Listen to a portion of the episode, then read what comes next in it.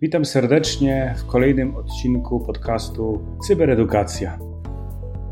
Dzisiaj będę chciał postawić pytanie: czego należy uczyć specjalistów z cyberbezpieczeństwa, żeby byli gotowi do wejścia na rynek pracy? Czy uczelnie potrafią uczyć specjalistów cyberbezpieczeństwa zgodnie z wymogami stawianymi przez rynek pracy? Czy ich program nauczania jest dostosowany do wymogów rynkowych? Zapraszam do wysłuchania tego odcinka. Cyberedukacja. Nowoczesne nauczanie informatyki. Nazywam się Bogdan Księżopolski i zapraszam do mojego autorskiego podcastu Cyberedukacja.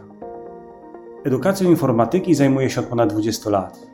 Obecnie kieruję Katedrą Cyberbezpieczeństwa i Cyberedukacji Polsko-Japońskiej Akademii Technik Komputerowych w Warszawie. Prezentuję najnowsze badania naukowe oraz praktyczne rady dotyczące nauczania informatyki na wszystkich etapach edukacji. Będę mówił o najlepszych praktykach stosowanych w klasycznym nauczaniu, ale również o tych stosowanych w trybie zdalnym oraz mieszanym. Będę omawiał wyłącznie zagadnienia, które zostały sprawdzone i potwierdzone przez nauczycieli na całym świecie. Mam nadzieję, że przedstawione przeze mnie przykłady zainspirują do wprowadzenia nowoczesnego nauczania informatyki. Zapraszam w czwartki o czwartej.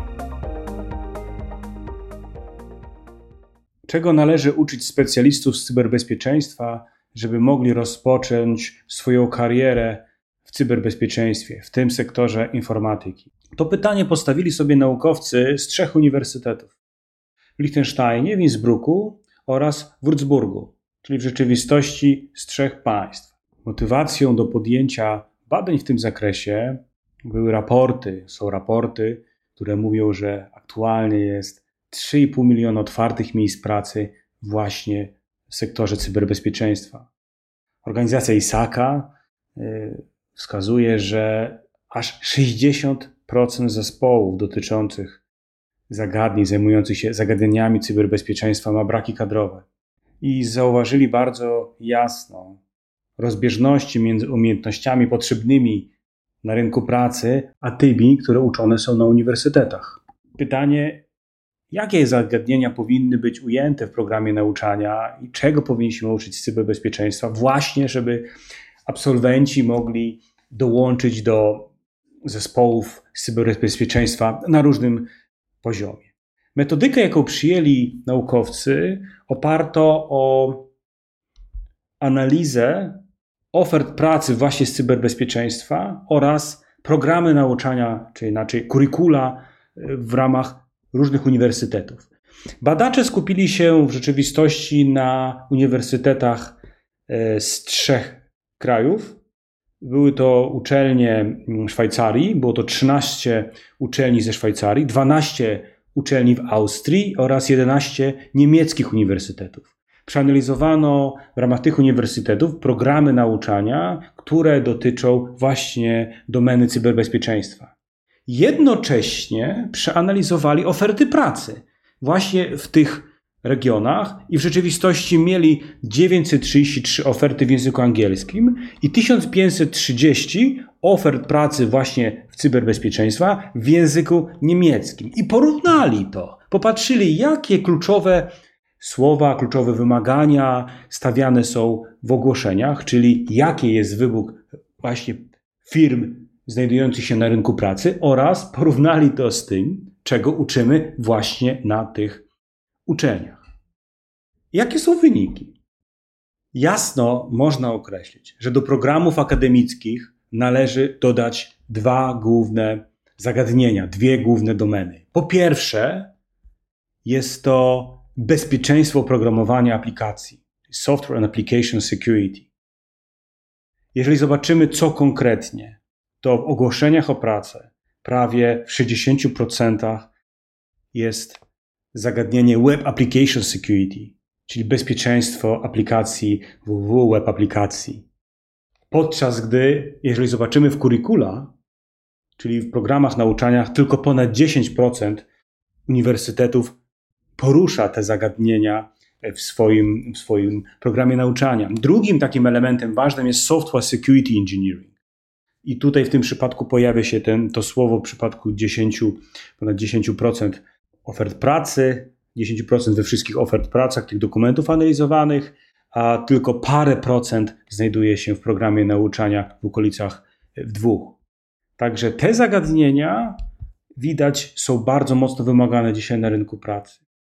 Drugie zagadnienie, taką całą domenę, którą, którą należy wskazać, jakie jest duże zapotrzebowanie, jaką wskazali tutaj naukowcy podczas swojej analizy, jest zarządzanie bezpieczeństwem, czyli security management. To jest kolejny obszar.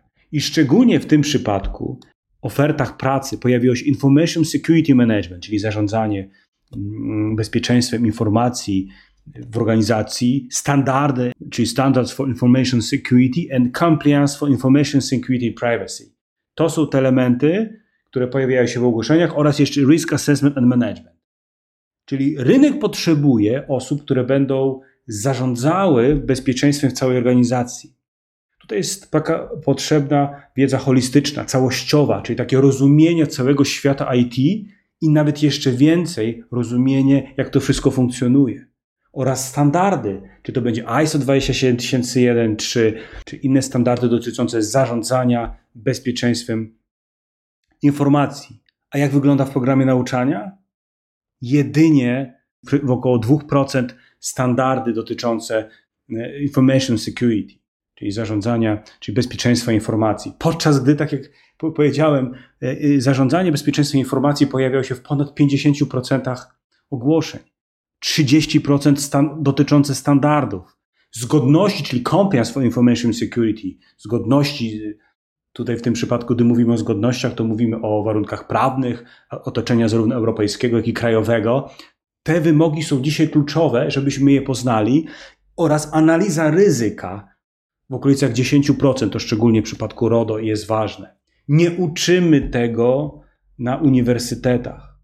Czyli nie, za te dwa zagadnienia, te dwie domeny, czyli zarządzania bezpieczeństwem informacji, to jest jedna rzecz, a druga to jest bezpieczeństwo aplikacji, szczególnie web aplikacji. Jeszcze wyniki badań, wyniki ich analizy pokazały, wskazały jeszcze jeden obszar, który często pojawiał się w ogłoszeniach, jest to inżynier wymagań bezpieczeństwa. Bardziej bym powiedział taki architekci bezpieczeństwa, czyli Security Requirements Engineering, czyli architekci bezpieczeństwa. Tutaj znowu jest potrzebna taka holistyczna wiedza, żeby być architektem, czyli zaplanować całą architekturę, jak ma funkcjonować zarówno aplikacja wraz w swoim otoczeniu, w którym jest umiejscowiona, czyli cały system IT, czyli zarówno systemy bazodanowe, jak i y, aplikacje na froncie, na backendzie, jak to wszystko razem funkcjonuje w ramach już konkretnych technologii, którą wybierzemy. I to właśnie jest zadanie architektów bezpieczeństwa. Ten obszar dzisiaj jest również brany pod uwagę. Niestety nie uczymy tego. Czego uczymy na uniwersytetach?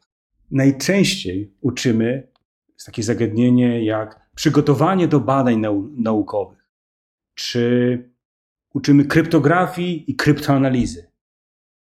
Jasne, to jest ważne zagadnienie, ale my uczymy tych zagadnień ponad 50% całego programu nauczania dotyczy właśnie tych zagadnień. Tego jest za dużo. Jest ich nadmiernie reprezentowane w programach nauczania jest niewielkie zapotrzebowanie przemysłu na te umiejętności. To mm, oczywiście trzeba rozumieć, jak to funkcjonuje, jak to działa, bo bez kryptografii dzisiaj nie można zadbać o bezpieczeństwo systemów. Ale czy musimy zajmować się takimi zagadnieniami? Ja teraz przytoczę, co, co pokazano w tych e, badaniach, jak e, homomorficzne e, szyfrowanie, jak kryptografia kwantowa, to są ważne zagadnienia, ale tego jest za dużo. Tutaj pokazane, że we wszystkich kurikulach praktycznie pojawia się symetryczna kryptografia, symetryczna, podpis cyfrowy, funkcja haszująca.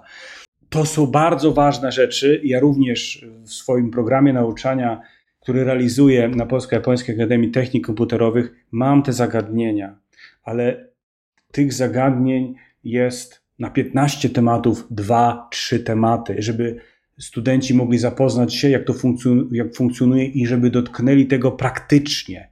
Czyli y, podczas wykładów nie zależy mi na tym, żeby oni zrozumieli, jak funkcjonuje ta matematyka niżej. Zrozumienie całej matematyki nie jest potrzebne dzisiaj na rynku pracy. W kolejnym kroku, tak, w pewnym momencie warto wejść w te zagadnienia, ale na rynku pracy nie jest to konieczne. Ważne, jak ją stosować, czyli apply cryptography. Tutaj chciałbym postawić pytania. Dlaczego w takim układzie na uczelniach uczymy zagadnień, które nie są potrzebne dzisiaj na rynku pracy? Dlaczego uczymy głównie zagadnień teoretycznych, bo tak w rzeczywistości jest, jak sobie popatrzymy. Ładujemy wszędzie kryptografię, takie zagadnienia, czy prawne, wszystkie teoretyczne. Uczymy tego, co umiemy uczyć. Nie umiemy uczyć rzeczy, które są rynkowe. Ponieważ, żeby uczyć zagadnień rynkowych, tych umiejętności, nie tylko wiedzę, czyli jak to funkcjonuje, ale tego nie czujesz. Ale żeby, żeby nabrać te umiejętności z cyberbezpieczeństwa w tych domenach, które dzisiaj są kluczowe, to uczelnia musi po pierwsze zadbać o infrastrukturę i stosowne programowanie. Stworzyć taki cyberpoligon. Musi mieć miejsce, gdzie to praktykować. 20 lat zajmuję się nauczaniem cyberbezpieczeństwa. I ja w pewnym momencie miałem kłopot, jak pokazać studentom zagadnienia, które są bieżące.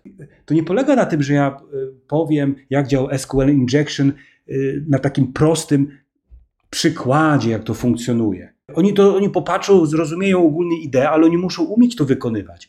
Jak ja mam im pokazać mm, różnego typu ataki typu SQL, czy klasyczny, czy typu blind?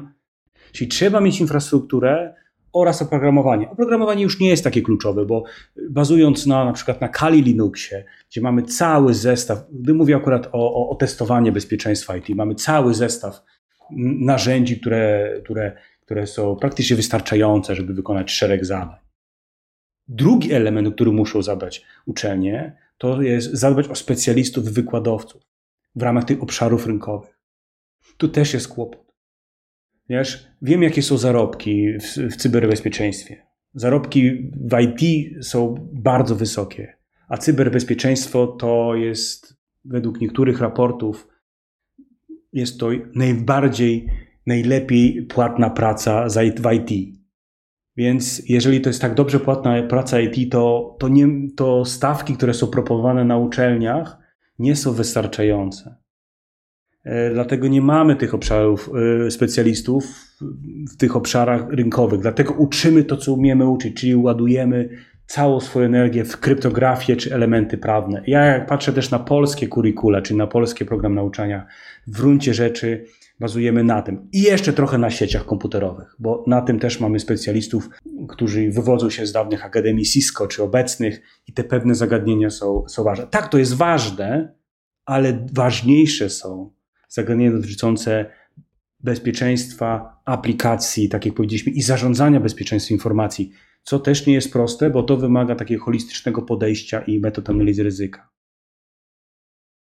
Czy w Polsce są miejsca, gdzie można dotknąć praktycznego cyberbezpieczeństwa? Czy są miejsca, czy ogólnie, no bo w tym przypadku to była analiza no, tych Austrii, Szwajcarii, Niemiec, no, ta analiza tych kurikulów i one wypadają bardzo miernie z punktu widzenia potrzeb rynkowych. A czy w Polsce są miejsca? Na pewno mogę powiedzieć o jednym, jest, czyli Polsko-Japońska Akademia Technik Komputerowych. No, tam pełnię funkcję kierownika Katedry Cyberbezpieczeństwa i właśnie cyberedukacji. Jestem odpowiedzialny za przedmioty dotyczące cyberbezpieczeństwa i mogę powiedzieć, że uczymy je praktycznie. Właśnie dzięki technologii opracowanej przez Cyberskiller e, studenci otrzymują dostęp właśnie do takiego cyberpoligonu gdzie mogą uczyć praktycznie, między innymi web aplikacji, bezpieczeństwa web aplikacji, kluczowych dzisiaj zagadnień w dostępie 24 na 7 z dowolnego miejsca cały czas mogą wykonywać zadania, które znajdują się w chmurze, wykonują wielokrotnie, z dużym systemem pomocy i dużo osób po właśnie zajęciach, gdy wprowadziliśmy tę technologię, pisze do mnie, że znalazło pierwszą pracę jako junior cyberbezpieczeństwa, więc y, są takie miejsca i to miejsce rekomenduję, biorę za to odpowiedzialność. Zapraszam również na studia podyplomowe. Teraz właśnie jest nabór dotyczący właśnie testowania bezpieczeństwa systemów IT. Studia 100% online, właśnie w oparciu o technologię e, Cyberskillera. Dla zainteresowanych dołączę link do tego opisu, jakby ktoś chciał sobie przeczytać, jaki jest program nauczania, czego my w tym przypadku jako Polsko-Japońska Akademia Technik Komputerowych wraz z Cyberskillerem uczymy, tylko praktyczne nauczanie. Dziękuję za uwagę i już dzisiaj zapraszam na kolejny odcinek podcastu Cyberedukacja w czwartek o czwartej. Do usłyszenia.